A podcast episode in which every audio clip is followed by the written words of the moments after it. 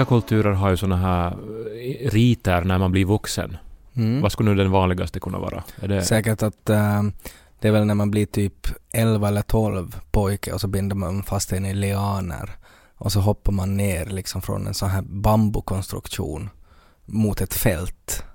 det här är Eh, alltså något du har läst om nu? Det låter Nej, ju jag inte har, sett, jag jättevanligt. har sett på Youtube. Alltså jag, tror att det är väl i Amazonas. Eh, ja, Typ, typ de här, det här folkslaget som uppfann bungee jump.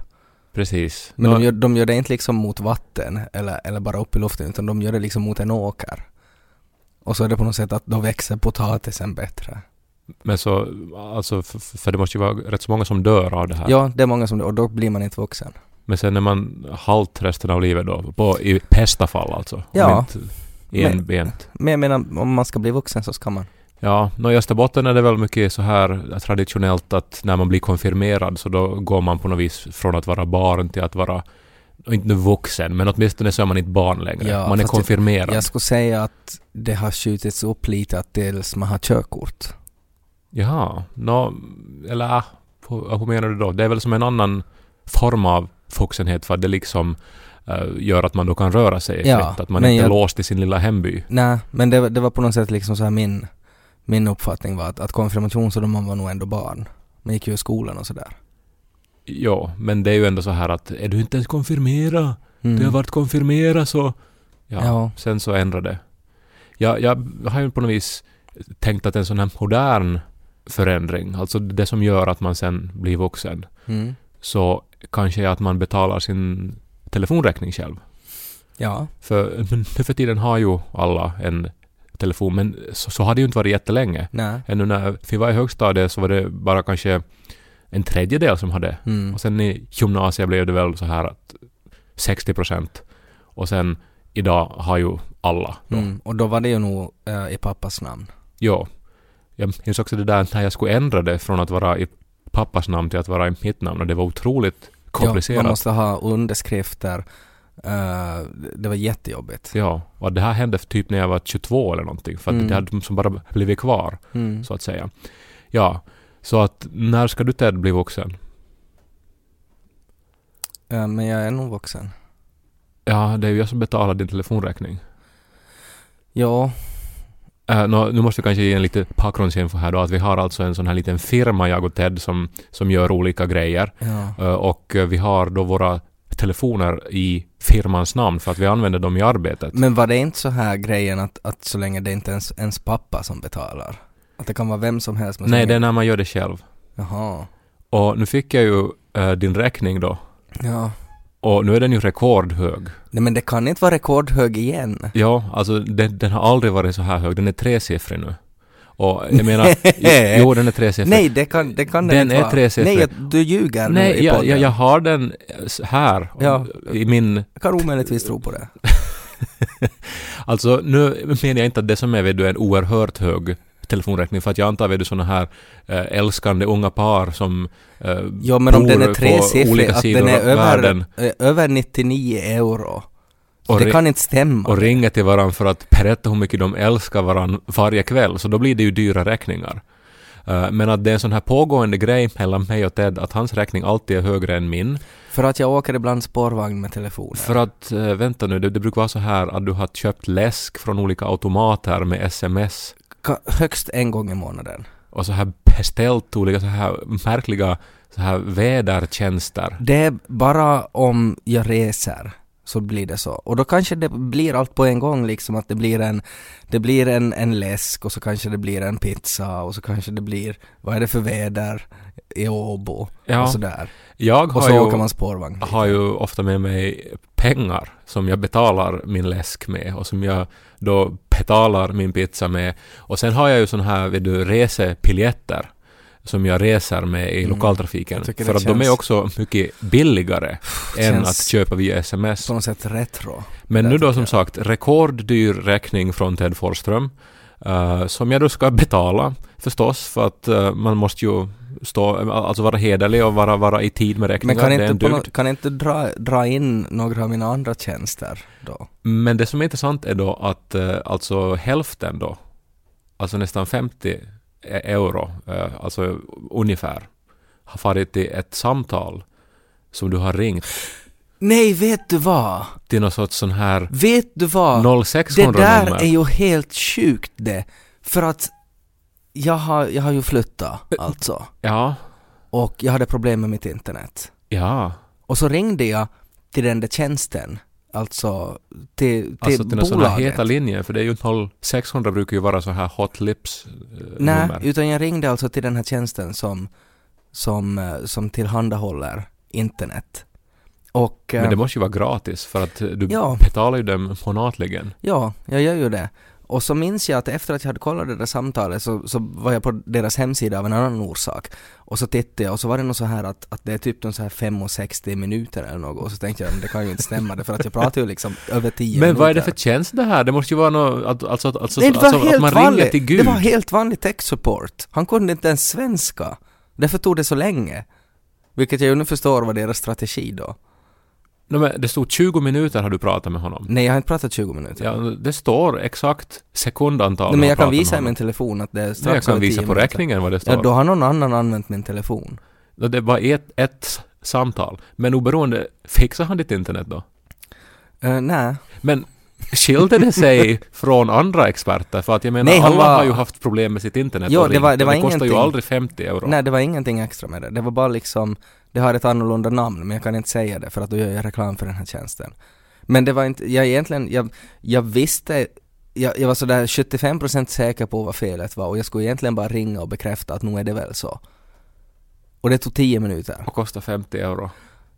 Ja, men det är ju, jag kan, det är ju, det är ju sjukt det. Nå, som din förmyndare har jag nu då övervägt olika alternativ Ja. då. Att jag ska nu då eh, begränsa din telefonanvändning.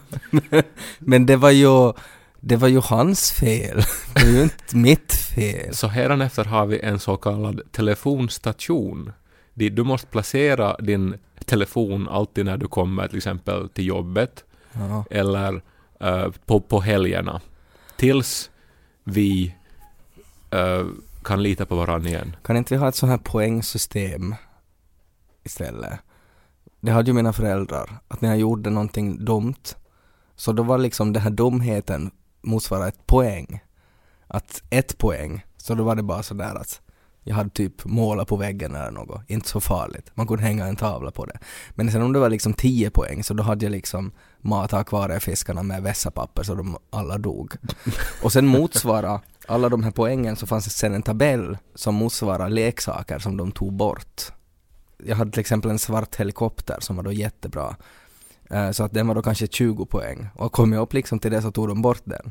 Ja, då vad ska jag ta bort nu då av dig? Nej men du behöver inte ta bort något men att du bara vill, vill liksom, vi sätter upp en poäng här nu då. Ja, nå, Ted Forsström, noll poäng. Zero poäng. Det är ju bra det. Man vill ju inte ha Som popna Så Så vi lys på Ted och Kai Jag har ju tänkt köpa en ny lägenhet. En större. Jag har en lägenhet redan, men eh, nu bor vi där två och den är ganska liten, så vi skulle gärna ha lite rum för alla våra eh, saker. Det är ju mest vinglas. Nå, vi har mycket vinglas, men vi gillar att ha vid sådana här serier. Och sen också så är det ju att det, det som jag kanske önskar mest i mitt liv är inte ett långt och lyckligt liv eller liksom pengar och framgång eller fred på jorden ens, utan Mm. att se ett bord där det finns mycket olika glas efter en fest. Alltså att man har haft en massa vänner på besök och man har ätit och man har suttit tillsammans och så har man Mm. druckit liksom olika sorters drinkar och vin och har en massa olika glas kvar. Mm. Det, det tycker jag är det bästa i Det är livet. liksom din högsta önskan. Nå, det är åtminstone topp tre. Framom fred på jorden. Ja men det är ju en utopi. Ja. Det- Dessutom. Men om det och vad komma- innebär det egentligen då? Att alla vet att ingen har någon åsikt längre? Nej, men förstås behöver det inte betyda det. Men så att om det skulle komma nu då en magisk lampa här och så skulle vi liksom smeka den tills Robin Williams kommer fram. Så skulle du önska dig ett bord med gamla vinglas på. Nå, alltså så här, du inte nu, då skulle man ju antar jag önska vet du, konkreta saker. För att inte skulle ju han som då kunna trolla fram en massa vänner i ett bra kök.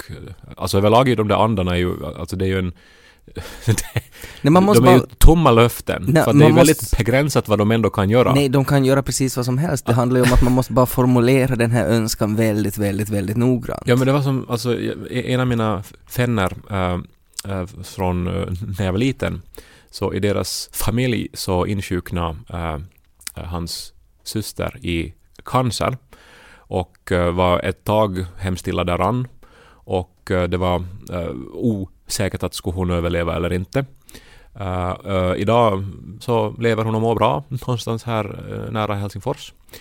Men eh, när hon var då som allra sjukast så, så, så var det en sån här eh, organisation som var typ en sån här Make-A-Wish Foundation. Mm. Alltså en ideell org- organisation som för att på något vis ge eh, alltså någon sorts hopp till sjuka barn Mm. eller glädje Mm. i all misär.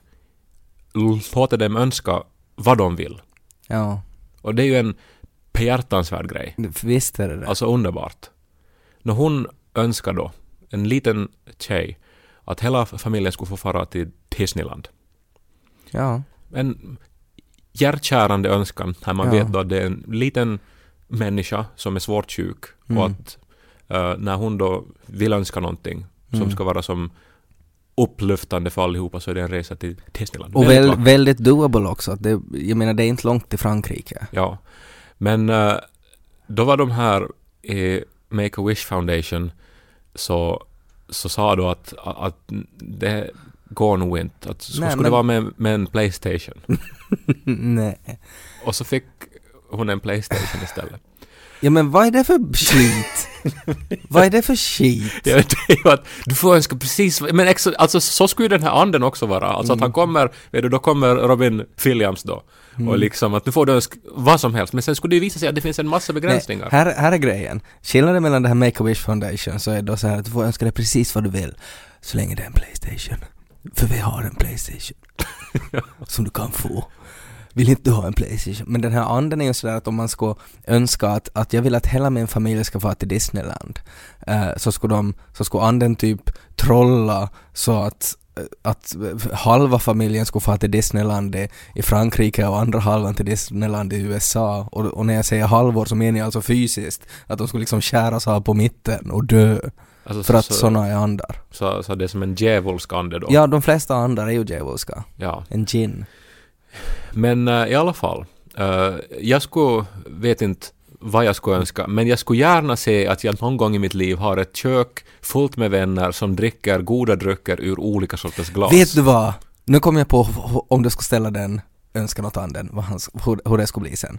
Då, då skulle han säga Ja visst Kai, eh, din vilja är min lag. Simsalabim. Och så skulle du dö. Och så skulle det vara begravning. Och så skulle alla vännerna samlas och dricka. För Men- att dö död. I, I mitt kök? Ja. Alltså så, så att vi skulle ha Nej, men begravningen det behöver hemma? inte vara i ditt kök. Men det är ju så det skulle vara, att om man, jag önskar att det en fest där alla mina vänner ska komma. Så det skulle vara på din begravning då. Ja, men jag vill också gärna att om jag nu skulle dö i förtid och det ska ordnas en begravning så skulle det ju vara en, ändå en, en rolig fest. Men vad det, är du inte imponerad? Det var ju en, en perfekt så här anden i flaskan liksom. Ja, men också väldigt mörk. Och så Ja, men det ska ju vara tänka det. på döden nu då. Ja, men det var, jag var, du ska, jag var ju skicklig som kom på det så här spontant. Ja. Du skulle borde få fem euro i minuten för att hitta på sån där. Så kanske någon stackars författare ringer och vill ha så här uppslag till sin nästa historia. Jag kan inte hjälpa dig med ditt internet, men har du en Playstation?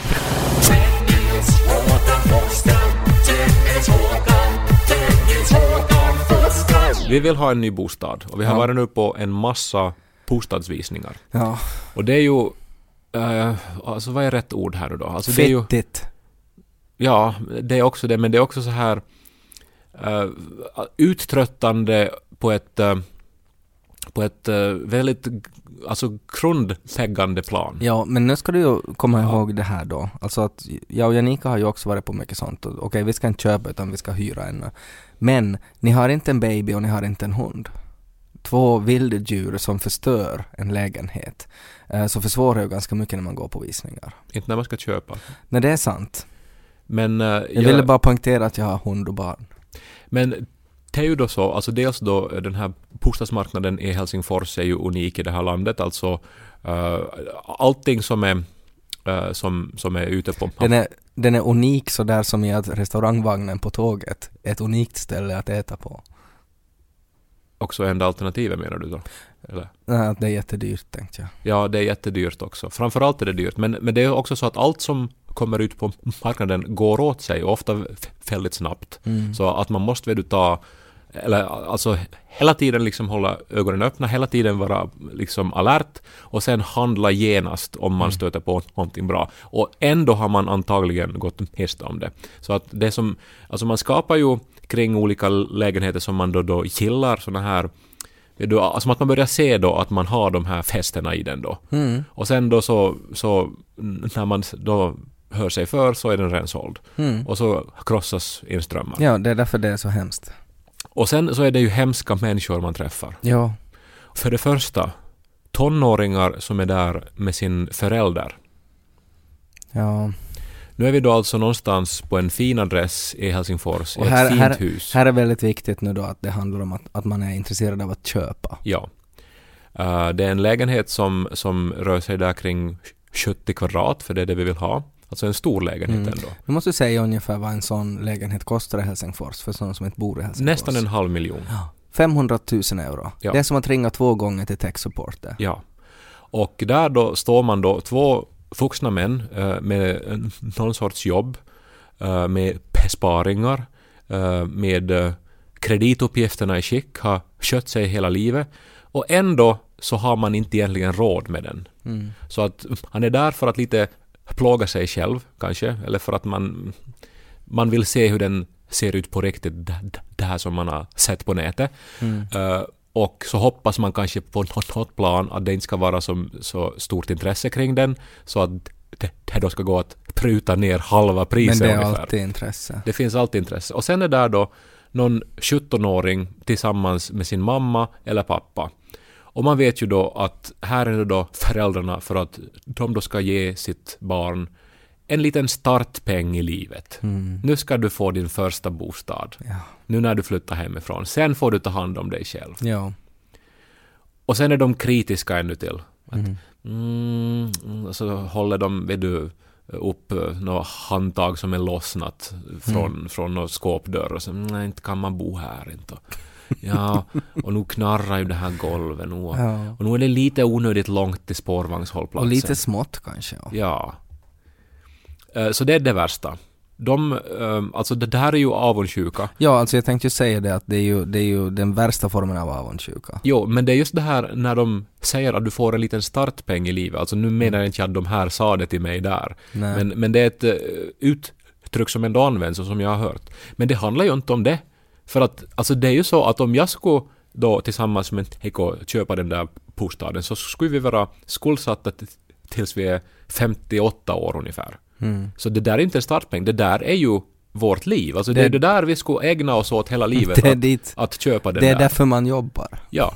Så om någon får det som en startpeng Mm. så går det ju att använda alla sina pengar i hela livet till någonting helt annat. Mm. Så det, det är en oerhörd orättvisa. Det här är ingenting nytt. Men Nej. man konfronteras med de här och de tar inte ens av sig skorna och de har dålig vitt och hy också. jag hoppas de får någon infektion eller någonting. Men det där sa jag inte. Sen hatar jag mäklare som tar sitt jobb på alldeles för stort allvar. Och som gör sig själva till idioter. Alltså vi var så på något sorts, alltså det var i, alltså inte ens i pottenplan utan på minus ett halvt plan. Mm. Så det var som lite ner i källaren. Men ändå så, så pass mycket att uppe under eh, taket så, så fanns sådana här smala fönster som man Ja. såg ut till innergården. Ja. Fast man gjorde inte heller för att det var en cykelställning helt framför eh, den här, det här enda fönstret då. Ja. Eh, Det är sådana här fönster så att liksom att, att när det börjar brinna så kan, man, så kan brandmännen lite sparka sönder det så att man inte dör genast av ångorna. och sen är ju mäklaren då har- hade ju förstås dragit ner eh, persiennerna. Mm. Eh, för att det här var ju en stor, stor, ett stort minus då. Ja. Att det är ju ingen utsikt och det är en cykelställning där. Men jag då som ju är eh, som ju förstås visste att här, här är någonting lurt, så öppna persiennerna och sen var det det enda vi pratade om då att ja, det är ju nog otroligt, otroligt färdelöst liksom, det här utsikten. Mm. Men att eh, sen var ju hon då så här att jo, jag menar att jag har hört att alltså att här har de tänkt att de ska plantera blommor här riktigt ut efter väggen. Så då skulle det vara blommor utanför fönstret. Ja. Och att hon då alltså med stoltheten i behåll kan stå och försöka sälja en sån här skitlägenhet åt mig. Men de är, För- ju, de är ju fantastiska. Alltså att hur de lyckas svänga alla skavanker och allt, allt som är skit så lyckas de svänga liksom till någonting positivt. Ja, jag hoppas att hon får problem med hyn också. Och sen det här vanhelgandet av liv. Alltså man blir ju desillusionerad. Vi var i en lägenhet som eh, inte hade renoverats på 50 Pratar år. du nu om alltså att man masturberar? Vanhelgande av liv. Det tog ett tag innan jag förstod nu, ja. Ja. Men att, uh, nej, Sa jag att jag blivit katolik? ja, det var det du gjorde igår. Just det. När du inte svarade i telefon. Nej. Du var ju och biktade dig och döpte dig. Mm. Men ehm, vi var alltså i en lägenhet då som inte hade rörts på 50 år. Ja. Eh, så att um, där var till exempel en vedspis i köket i centrum av Helsingfors. Mm. Som inte var i bruk men som ändå var kvar där. Var det någon från Radio Vega som bodde där då?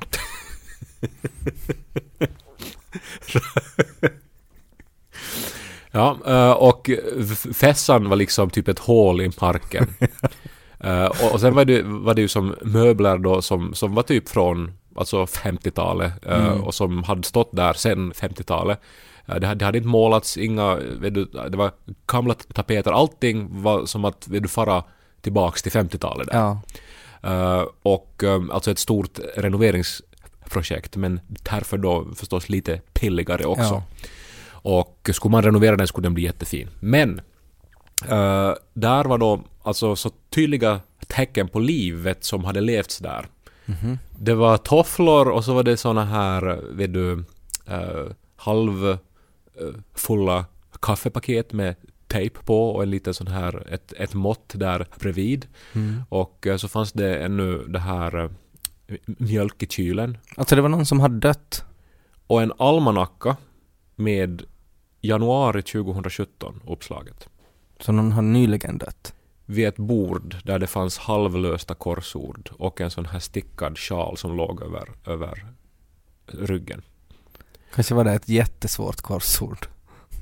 Och där då stod vi då, eh, alltså en massa, vet du, de här tonåringarna där också förstås, så som Mm. var helt så här att mamma är du galen? Skulle aldrig kunna bo här. Eh, och så var det då vi då som, som stövlade omkring med eh, liksom såna här såna här plastöverdrag på skorna. I ett hem där det liksom har levts liv i 50 år och alltså i, i all ro och skymundan och lösts korsord. Och så två veckor typ efter att den här människan där då dör. Mm. Så ska det göras pengar av hemmet och så ska vi liksom dit och prata om hur man skulle riva bort väggarna och hur allt det här ska ut och allt ska göras om. Ja, Och det är ju naturligt att det är så, men Ja. vad hemskt det är. nå på ett sätt.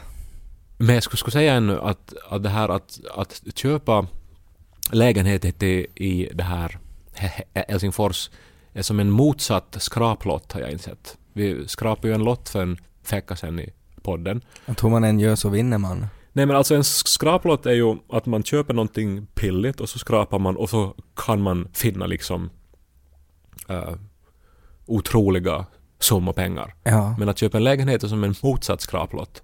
Att den är otroligt oöverkomligt dyr och så när man skrapar lite på ytan så är det mögel och asbest och, och så har man förlorat allt inklusive sitt förstånd. Kai Erik korkea, aho. Kai Erik korkea, aho.